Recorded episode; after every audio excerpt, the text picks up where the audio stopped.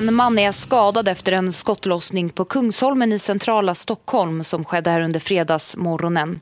Enligt uppgifter till Aftonbladet så är mannen en känd advokat och han ska ha varit på väg till sitt arbete när han träffades av flera skott som avlossades av en eller flera gärningsmän enligt vittnen som säger sig ha sett de här personerna sen ta sig från platsen till fots.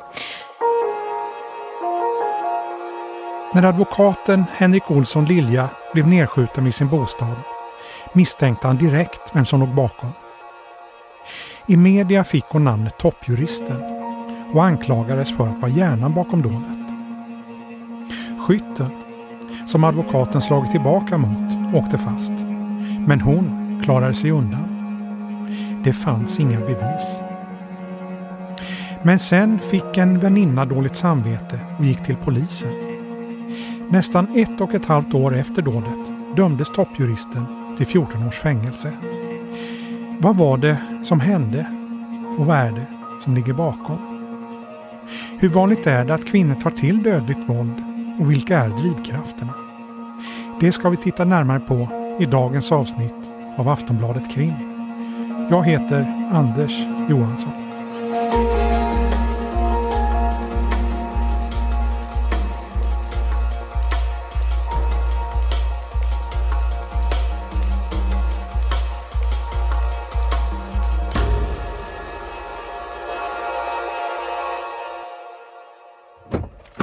Tjena Viktor! Ska jag hoppa in bak? Ja, ta bak du är bäst. För säkerhets skull så håller man lite i... Vi har åkt för att hämta upp Viktor Stenqvist, nyhetsreporter på Aftonbladet. Vädret är gråmulet och regnet ser ut att hålla i sig hela dagen. Viktor får sitta i baksätet när vi åker vidare.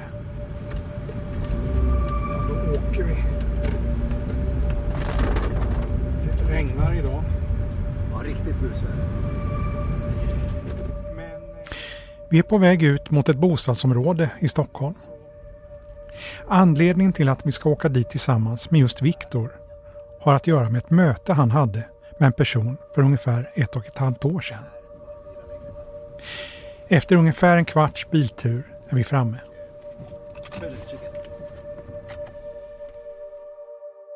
De röda tegelhusen är relativt nybyggda och de högsta sträcker sig 13 våningar upp. Vi kör in på en ledig parkeringsficka precis utanför entrédörren. Här går det att sitta i en bil utan att väcka uppseende. I början av september 2019 blev Viktor utsänd till just det här bostadsområdet. Han var inte först på plats. Vid det här laget hade redan suttit två team från Aftonbladet och häckat på samma adress. Uppdraget var att få tag på en och samma intervjuperson. Ja, vi hade ju då varit här med några kollegor kvällen innan som, som hade träffat henne, pratat lite kort med henne. Eh, men eh, det hade inte blivit någon regelrätt intervju utan hon hade gått, eh, gått till sig och det hade bara varit ett vanligt eh, kort samtal.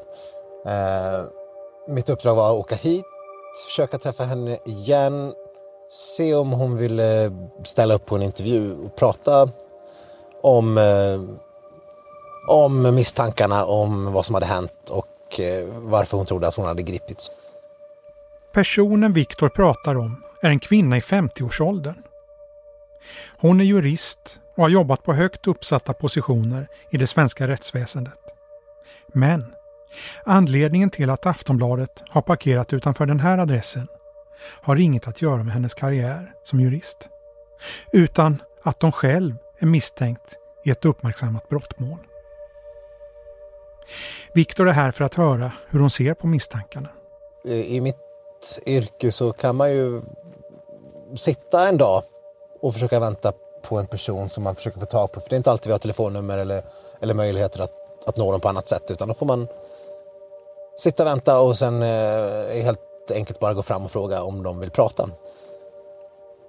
När det här utspelar sig har fallet som kvinnan misstänks vara inblandad i varit en nyhet under flera dagar. Kvinnan har nyss släppts från häktet och efter ett tag kommer hon gående. Och vi kliver fram och eh, Eh, jag går fram först. Fotografen eh, väntar kvar i bilen. Och jag frågar om hon, om hon vill prata. Och det vill hon. Hon vill prata. Hon vill berätta och, eh, och vi bestämmer oss för att uh, gå ner till uh, en restaurang uh, bara ett stenkast bort från, från platsen där, där vi stöter på henne. Och, och på den vägen blir det.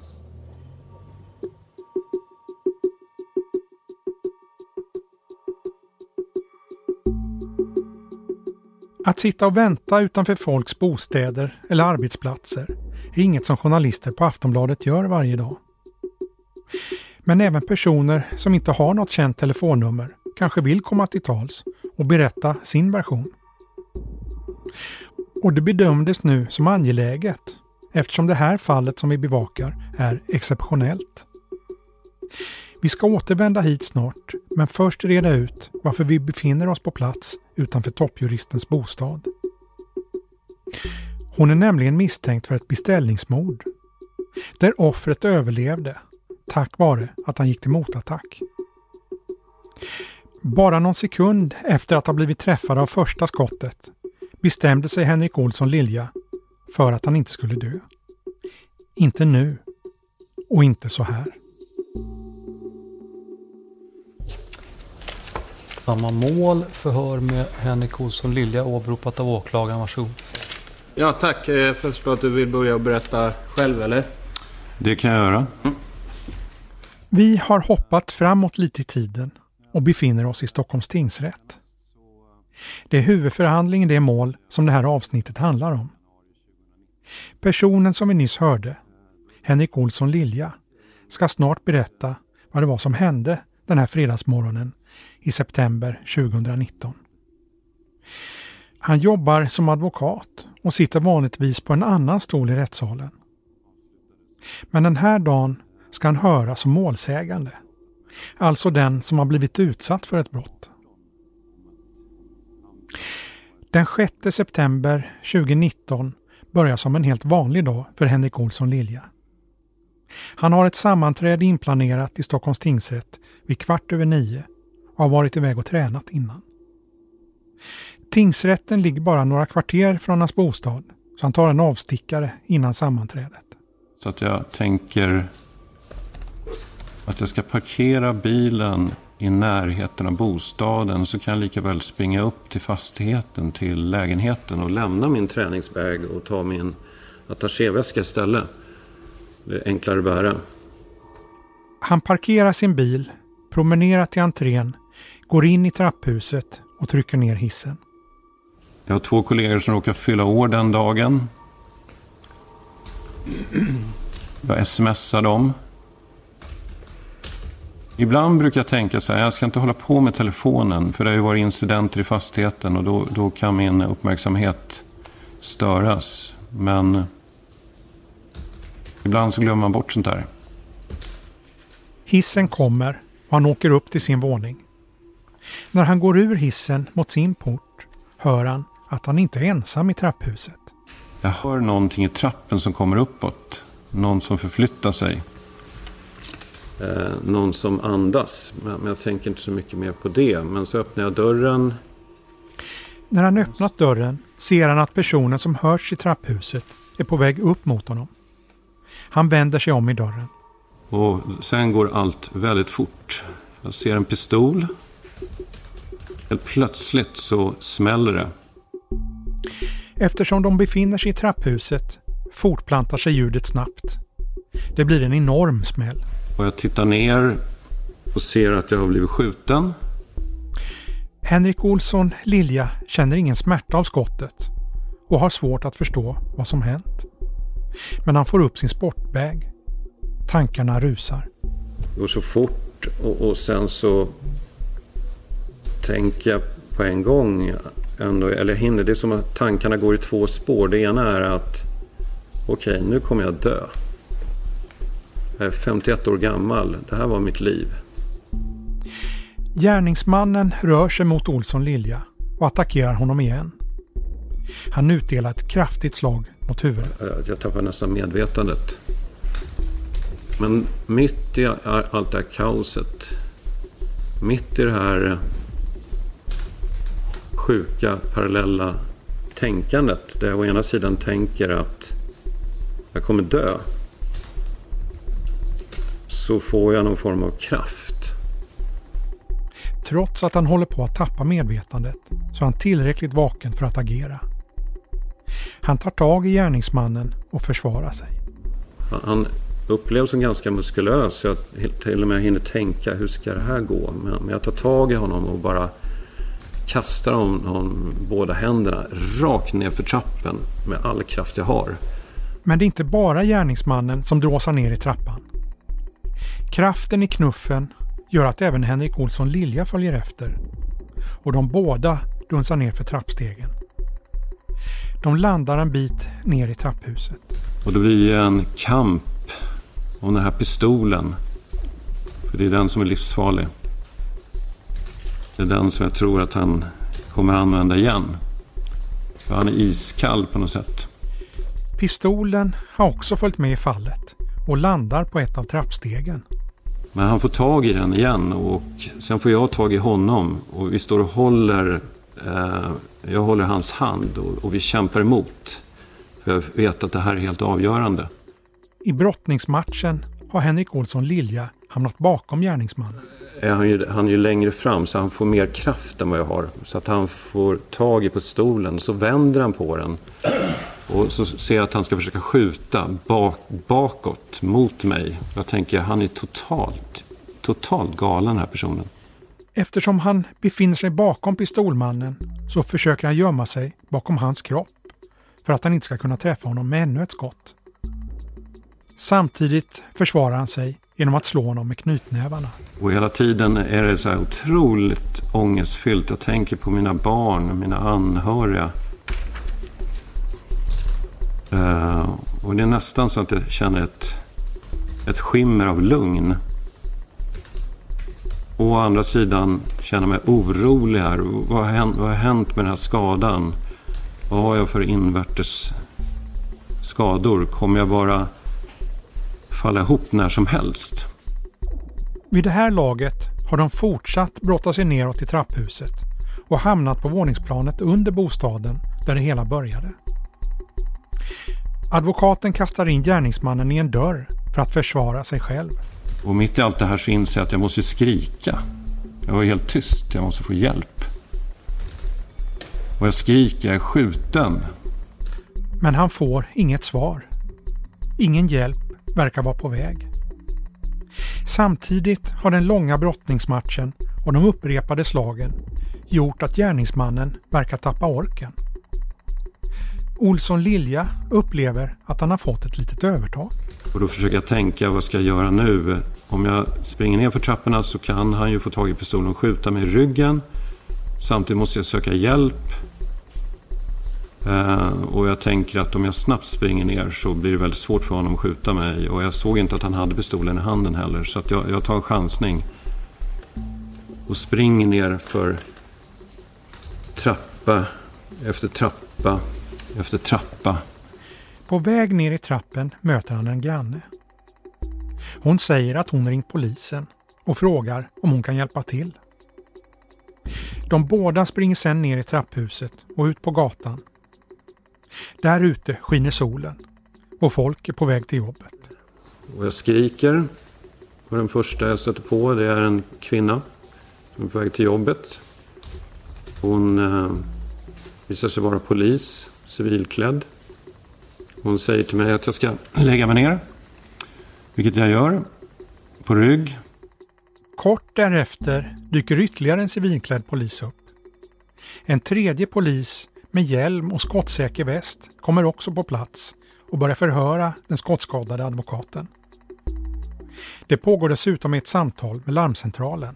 Samtidigt så tänker jag tanken att jag snart kommer dö. Var är den där ambulansen? Var är den? Frågar jag flera gånger. Eh, det tar otroligt lång tid. Men ambulansen anländer till slut. Henrik Olsson Lilja förs till sjukhus.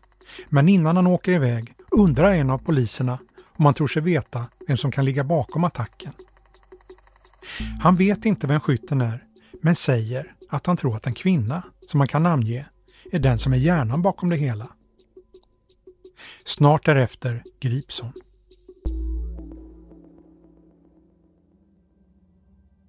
Kvinnan som grips är i 50-årsåldern och har haft en framgångsrik karriär som jurist.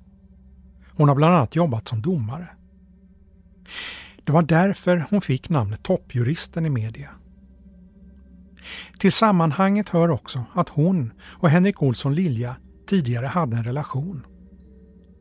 Den upphörde och övergick i en flerårig uppslitande tvist som fick avgöras i domstol och där Henrik Olsson Lilja vann. Något som toppjuristen uppfattade som felaktigt och orättvist. Hon började också anklaga honom för misshandel och gjorde fler anmälningar till polisen. Men utredning visade i samtliga fall att det saknades grund för hennes påståenden. Sedan drygt fem år har hon hamnat allt mer på den andra sidan lagen och själv dömts för brott. Och det ser ut att finnas ett mönster. 2015 omhändertas hon i centrala Stockholm för att hon är berusad. På väg till polisstationen slår hon en kvinnlig polis i ansiktet. Hon döms sen för våld mot tjänsteman och våldsamt motstånd. Straffet blir villkorlig dom och 100 dagsböter, sammanlagt 15 000 kronor. Två år senare, 2017, blir hon omhändertagen på nytt för att hon är berusad. Det händer två gånger med en månads mellanrum och båda gångerna sätter hon sig till motvärn och gör utfall mot poliserna. Hon döms för två nya fall av våldsamt motstånd och får böter även den gången. Och före de domarna hade hon fått kontaktförbud gentemot Henrik Olsson Lilja. Allt som hon åkt fast för har gällt bötesbrott. Men nu, i september 2019, handlar det om något rejält mycket grövre.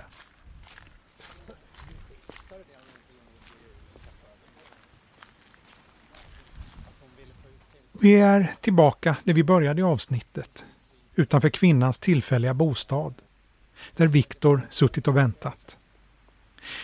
Vid det här laget är hon alltså misstänkt för att ligga bakom mordförsöket i september, men har släppts på grund av bristande bevis. När hon dyker upp verkar hon ha sovit dåligt och känner sig sliten. Så när vi stöter på henne är hon ju väldigt trött. Hon har, eh, hon har eh, inte kunnat sova ordentligt. Hon har kunnat sova en stund. Eh, men hon hade inte kommit in i bostaden så hon är väldigt trött och hon eh, känner sig ganska sliten och trött. Men, eh, men vill ändå berätta. De går till ett lunchställe som ligger några hundra meter bort och sätter sig och pratar. Hon förnekar all inblandning i det som hänt och säger sig vara Eh, helt oskyldig. Ja. Hon har ju en helt annan historia av, eh, av hur, vilken kontakt hon haft med Henrik Olsson Lilja och hur, deras... Eh, vi har ju beskrivit att de, de är bekanta sedan tidigare. Och, och hon ville ge sin syn på hur, hur det har varit. Hon har ju en helt annan historia. I hennes berättelse är det hon som är offret. Hon menar att det är hon som har blivit utsatt och hotad. En berättelse som det inte går att finna något stöd för. Hon ville berätta det och berätta hur det kan komma sig att hon även överhuvudtaget eh, har blivit misstänkt. Och det har hon ju ingen, det har hon ju ingen rimlig förklaring på riktigt själv för att hon, hon, hon upplever det som att hon genuint inte förstår. Eh, och det vill hon berätta. Och, ja, hon vill... nej, Hon vill, hon vill hon, hon, det upplevde, jag upplevde det som att hon verkligen ville hon ville, hon ville prata. Hon ville ge sin syn på, på vad som hänt och även lämna egna teorier kring vilka och vem som skulle kunna ligga bakom det här. Under intervjun nämner hon alternativa motivbilder till dådet mot Henrik Olsson Lilja. Bland annat att han försvarat gängmedlemmar. Och hon tror att det skulle kunna ha med saken att göra. Vi hade eh, faktiskt diskussion om det här, jag och eh, fotografen Carolina Byrman. Vi, det, var, det var verkligen... Man, man visste inte riktigt vad man skulle tro. För hon, var, hon hävdade ju med sån emfas att det i själva verket var hon som var utsatt och hade varit utsatt under så lång tid. Samtidigt visste vi ju att, det här, eh, att hon hade figurerat tidigare i den här typen av sammanhang.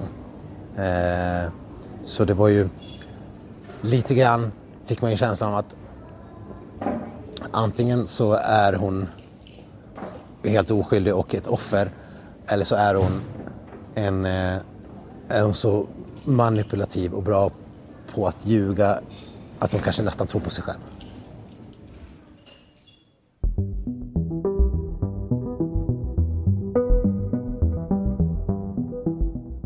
Tiden går. Polisen lyckas säkra DNA på brottsplatsen. Och två månader efter dådet kan den misstänkte gärningsmannen gripas. Det blir åtal, rättegång och fällande dom. Den som döms för mordförsök till trapphuset heter Billy Riloff och är 54 år. Han var med och skapade rubriker 2004 då han var en av tre fångar som försvann vid en spektakulär fritagning vid Kumlaanstalten. Han avtjänade då ett 13 år långt straff för rån. Efter några dagar kunde rymlingarna spåras och återföras till fängelse.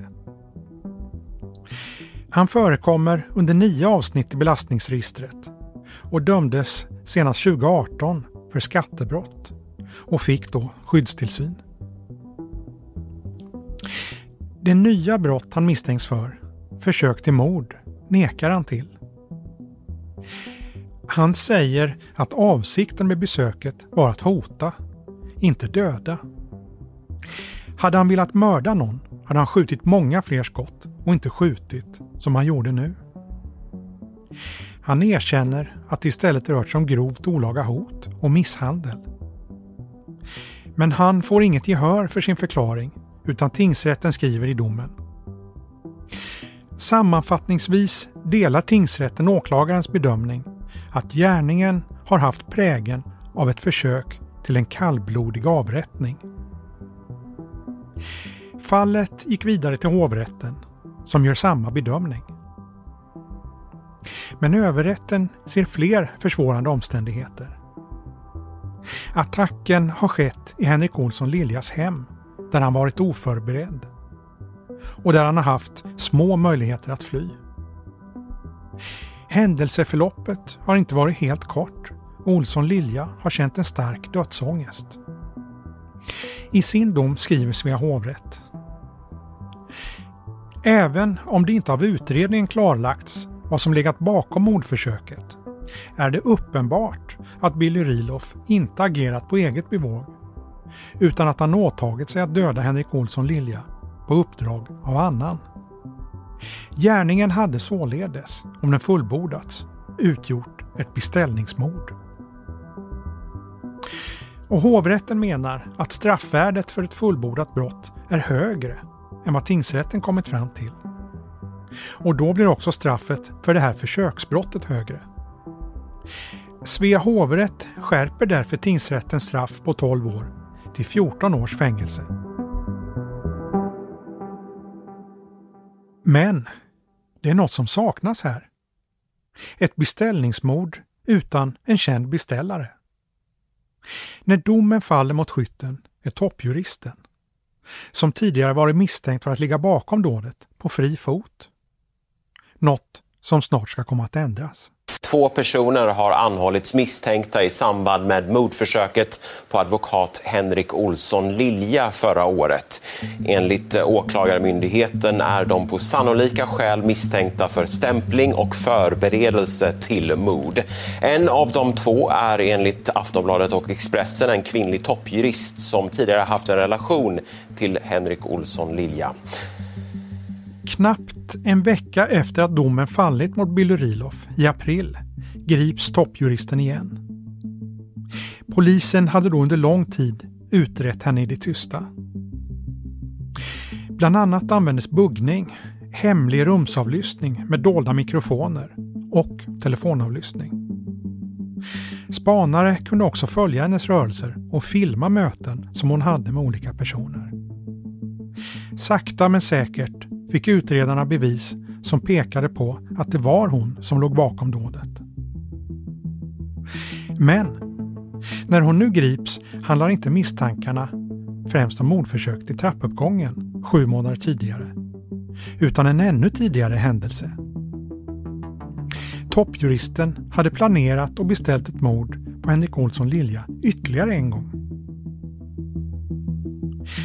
Under de följande månaderna grips flera andra i samma ärende.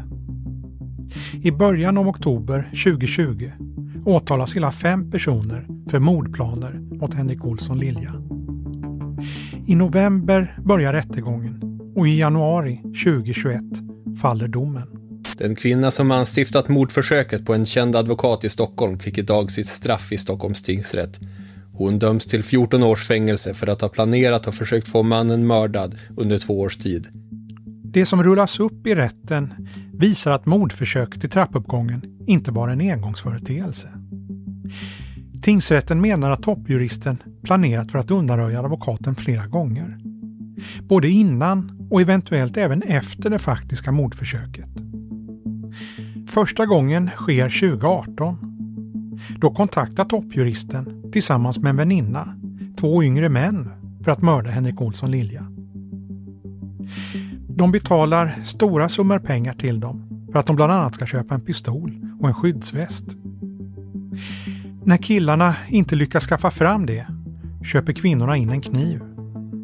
Men någonting händer som leder till att försöket inte blir av. I utredningen framkommer även nya uppgifter om skotten i trappuppgången hösten 2019. Tidigare har vi berättat att Billy Riloff döms för själva skotten. Men nu visar det sig att ytterligare en man varit involverad i planeringen. En man i 50-årsåldern, också dömd för rån tidigare. Han har varit med och spanat utanför lägenheten flera dagar innan själva dådet. Och han har även befunnit sig på brottsplatsen i samband med skjutningen. Åklagaren menar att han har agerat gemensamt och i samförstånd med Billy Riloff vid mordförsöket. Rånaren och toppjuristen har regelbunden kontakt även efter dådet och den pågår en bit in på 2020. Tingsrätten menar att mycket tyder på att de fortsatte smida planer för att mörda Henrik Olsson Lilja. Tingsrättens bedömning grundar sig på en rad omständigheter. Direkt när toppjuristen släpps från häktet skriver hon genast till rånaren och stämmer träff. Under månaderna som följer träffas de flera gånger och har mycket kontakt över telefon. I januari ger han henne en krypterad telefon som de sen sköter mycket av kontakten genom. Tack vare att fransk polis knäcker den krypterade tjänsten Encrochat får utredarna tillgång till alla meddelanden. Spanare kan också följa och dokumentera deras möten. Vid ett tillfälle i slutet av januari, fyra månader efter skotten, möts rånaren och toppjuristen på en skolgård i Stockholm. Hon har då precis innan köpt guld för nära 900 000. På en övervakningsfilm syns hur hon lämnar över en påse till rånaren som stoppar in den innanför sin jacka samtidigt som han ser sig omkring med vaksam blick. När de båda senare konfronteras om den händelsen menar de att det inte alls handlat om guld utan om linsvätska. En förklaring som tingsrätten inte alls tror på. Förklaringen saknar all trovärdighet, heter det i domen. Sammanlagt har toppjuristen köpt guld för nästan 2 miljoner kronor. Och misstanken är att hon använt det som betalningsmedel.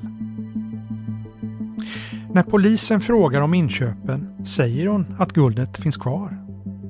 Men hon vill inte berätta var det finns någonstans. Det är inte ett av de tyngre bevisen, men tingsrätten konstaterar torrt att hon uppenbart hanterat stora värden som är svåra att spåra under en tidsperiod där hon är misstänkt för att ha beställt ett mord. Hela bevisningen i målet vilar på en berättelse från en person som själv varit med och planerat attackerna mot Henrik Olsson Lilja. En kvinna som vi i det här avsnittet kallar Carolina och som är en relativt ny väninna till toppjuristen. Carolina är den som tar kontakt med de yngre männen vid planeringen av den första attacken.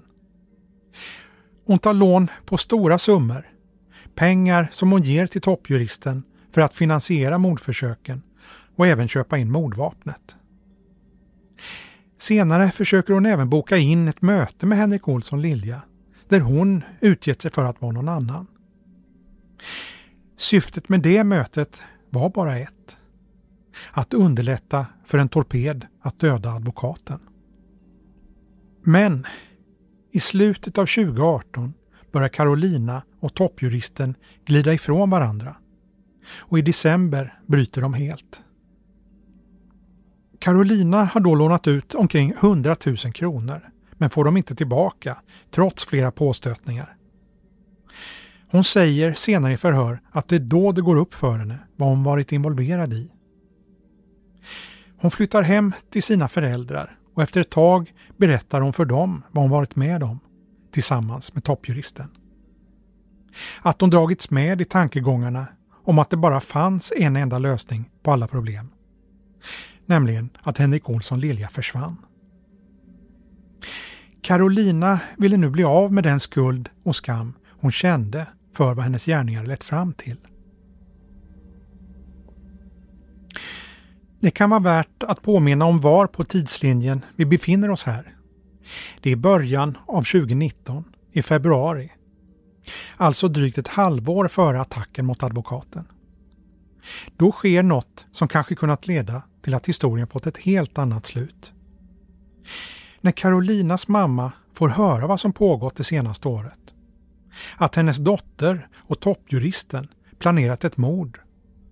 Då vet hon inte vad hon ska ta sig till.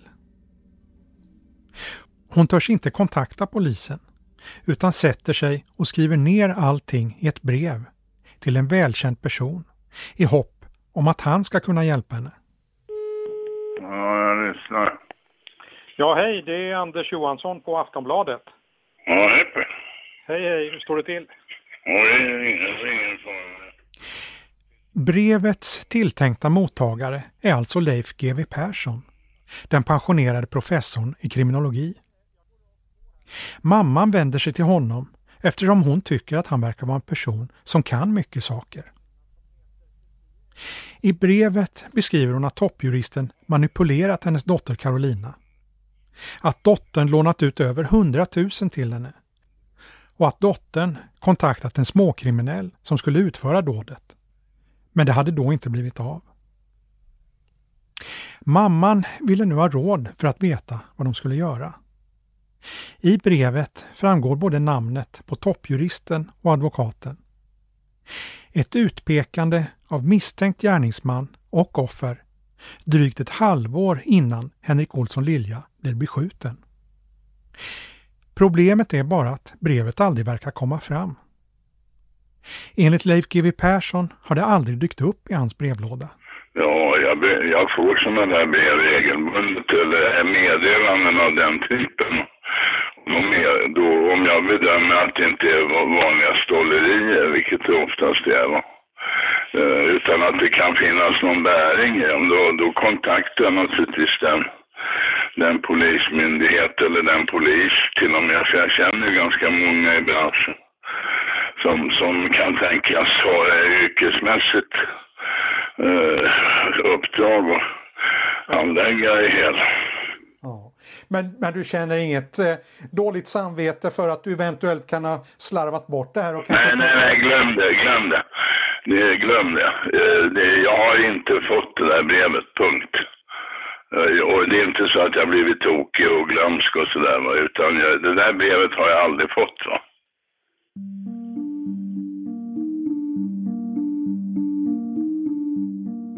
Nej, längre än så kommer vi inte med brevet.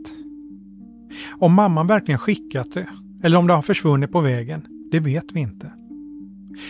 Men hon har i alla fall fotograferat av de handskrivna sidorna i mobilen och sparat dem på det sättet. Polisen försökte därför efteråt klarlägga vad som hade hänt och hör Leif GW Persson i utredningen. Och belägger honom sen med yppandeförbud. Frågan vart brevet tagit vägen förblir obesvarad. Men i avfotograferad form blir det senare en del av stödbevisningen som tas med i förundersökningen. Frågan om brevet på något sätt kunnat förhindra händelsernas gång förblir också obesvarad. I september 2019 sker i alla fall mordförsöket.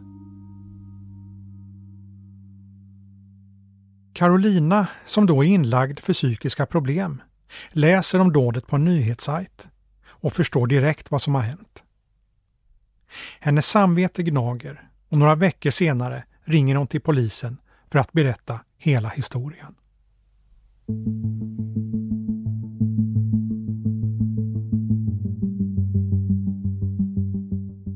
I januari 2021 döms sammanlagt fem personer för delaktighet i mordförsöken.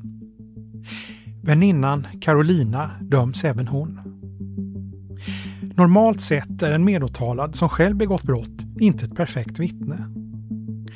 Risken finns att en sån person skyller ifrån sig på en kumpan för att själv komma lindrigare undan.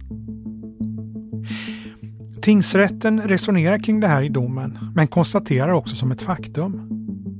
Samtliga uppgifter som Carolina har lämnat och som har kontrollerats i utredningen har stämt. Och det gäller allt ifrån platser, datum, klockslag och personer som de har träffat. Det har inte kommit fram en enda omständighet, skriver tingsrätten, som talar för att hon med sin berättelse velat förminska sin egen roll på bekostnad av övrigas inblandning. Tingsrätten anser att Carolinas berättelse är så pass tillförlitlig att den kan läggas till grund för bedömningen av hela händelseförloppet. Carolina döms för förberedelse till mord och får skyddstillsyn. De två yngre männen döms också till skyddstillsyn för förberedelse till mord respektive stämpling till mord. Mannen i 50-årsåldern, den tidigare rånaren, får sex års fängelse för medhjälp till försök till mord. Och toppjuristen, hon får 14 år för anstiftan av försök till mord. När vi når hennes försvarare, advokat Ola Salomonsson, säger han att de kommer att överklaga domen. Jag kan säga kort att det kommer att klagas. Eh, det kommer att överklagas. Delar av det här som är besvärande. Sen tycker jag kanske att man... Eh, ja, jag tycker nog inte att allting som tingsrätten finner styrkt eh, delar jag inte riktigt uppfattningen. Men, men vi har lite kvar innan vi är klara med, med det här. Men jag delar inte tingsrättens uppfattning i, i en del delar. Så det, det, kommer att klaga, det kan jag säga. Just det, ja. Vil, vilka, kan du säga, vilka är de största felen som du ser det? Nej, nu, nu, det är en ganska omfattande dom så jag, jag kan inte peka på det just nu utan det, det enkelt uttryckt så är det så här. Man gör ju en eh, samlad bedömning över alla de här eh, omständigheterna. Man lägger ihop 2018 och den kommer sen att styra lite grann uppfattningen när det gäller uppsåt. Att hon har en, eh, en uppfattning att eh, beröva målsäganden livet. Och den tycker jag tar lite stor plats här. Sen tycker jag dessutom att man kan diskutera om en medåtalads uppgifter för 2018 ska ha ska få den avgörande betydelsen här. Stödbevisningen finns, men den är inte helt avgörande för själva gärningarna utan det är mer betalningar. Så det finns en del synpunkter där, det gör det, gör det faktiskt. Toppjuristen har genomgått en rättspsykiatrisk undersökning. Den har kommit fram till att hon inte lider av någon allvarlig psykisk störning vare sig vid tiden för gärningen eller vid undersökningen. Därför kan hon inte dömas till vård. Om tingsrättens dom på 14 år står sig och hon sköter sig i fängelset kan hon friges villkorligt efter två tredjedelar, vilket alltså innebär drygt nio år. Henrik Olsson Lilja vill i nuläget inte uttala sig om hur han ser på domen. Inte heller hans målsägande beträde Anna Björklund.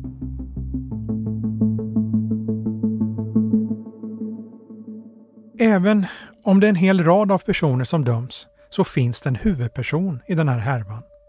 Toppjuristen. Enligt domen är hon drivande och rätten slår fast att det är osannolikt att något av det här hade skett om det inte vore för hennes inblandning. Att det är en kvinna som döms för den här typen av grova brott hör till ovanligheterna. Micke? Ja men tjena, det är Anders Johansson här. Hej, hur står det till? Ja tack, eh, det, det är bara bra. Mikael Rying är kriminolog vid polisens nationella operativa avdelning, NOA. Han är en av landets ledande experter när det gäller dödligt våld. Och han berättar att det finns tydliga skillnader mellan män och kvinnor som förövare. För det första är de mycket mer sällsynta. Sedan flera hundra år, så långt bak som det finns kriminalstatistik, står kvinnor grovt sett för var tionde mord. Nio av tio begås av män. Ja, sen väldigt lång tid tillbaka i Sverige så är det ungefär 10 procent av alla fall av dödligt våld som kvinnor står för. Och man kan säga att oavsett om eh, mordfrekvensen går upp eller ner så hänger den här andelen med. Vi hade till exempel i början på 90-talet eh, ungefär 115 mord per år. Och sen så 110-115 mord. Och sen sjönk det ner som lägst då, jag tror att det var 2012, 2013, då låg det på ungefär 70 mord. En ganska kraftig nedgång.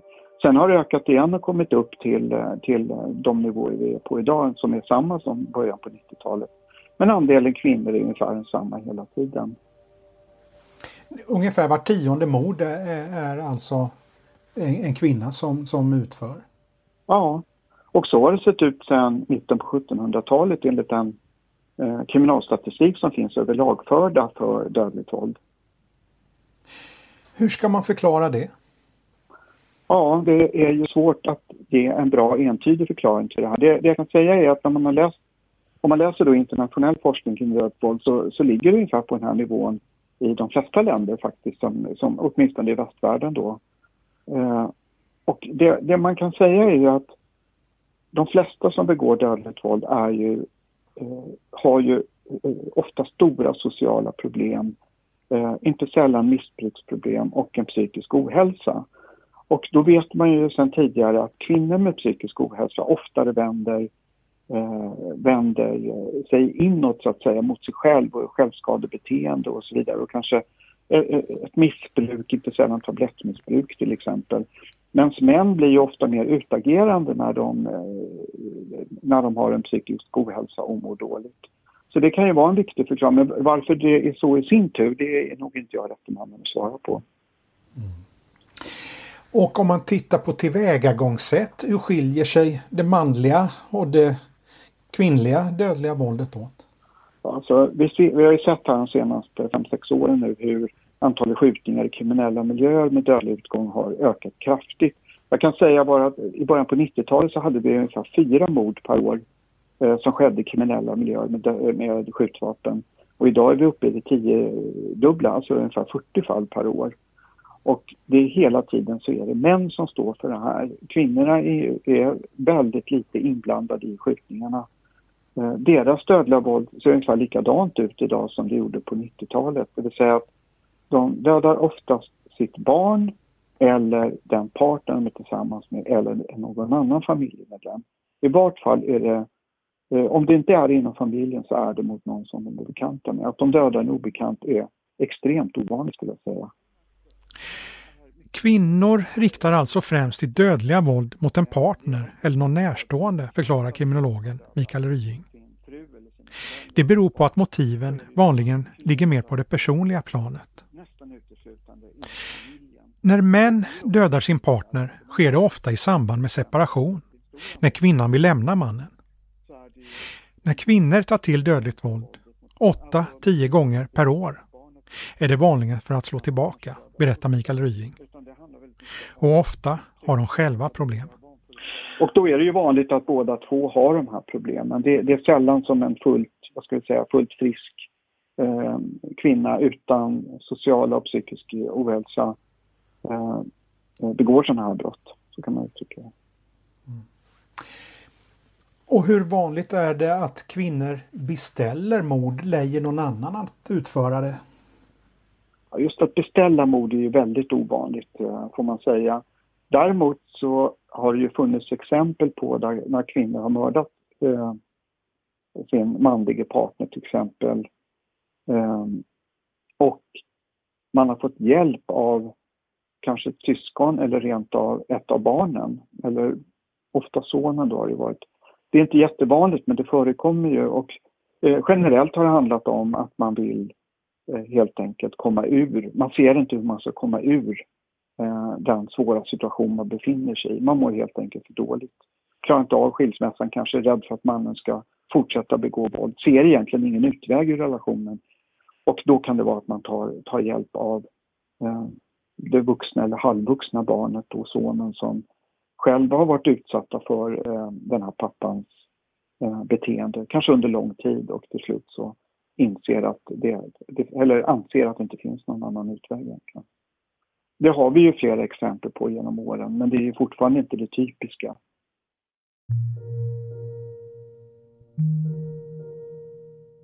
Tingsrätten säger i sin dom att toppjuristen beställt ett mord på Henrik Olsson Lilja. Det har varit hennes önskan att han skulle dö. Nu överlevde han tack vare att han slog tillbaka mot gärningsmannen och att skottet han träffades av inte tog något vitalt organ.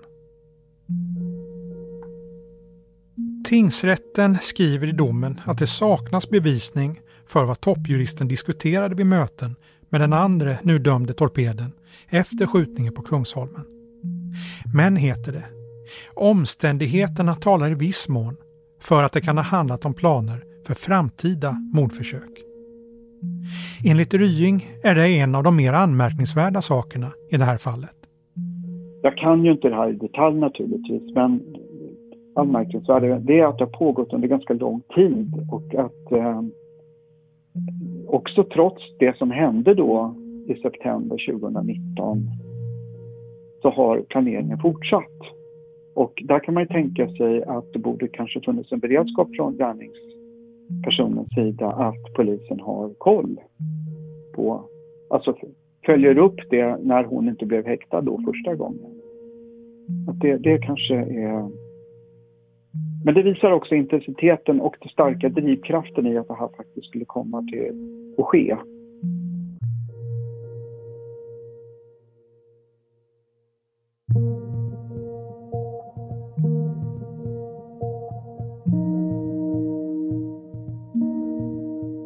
Har lyssnat på ett avsnitt av podden Aftonbladet Krim. Jag heter Anders Johansson. Producent är Marcus Ulfsand.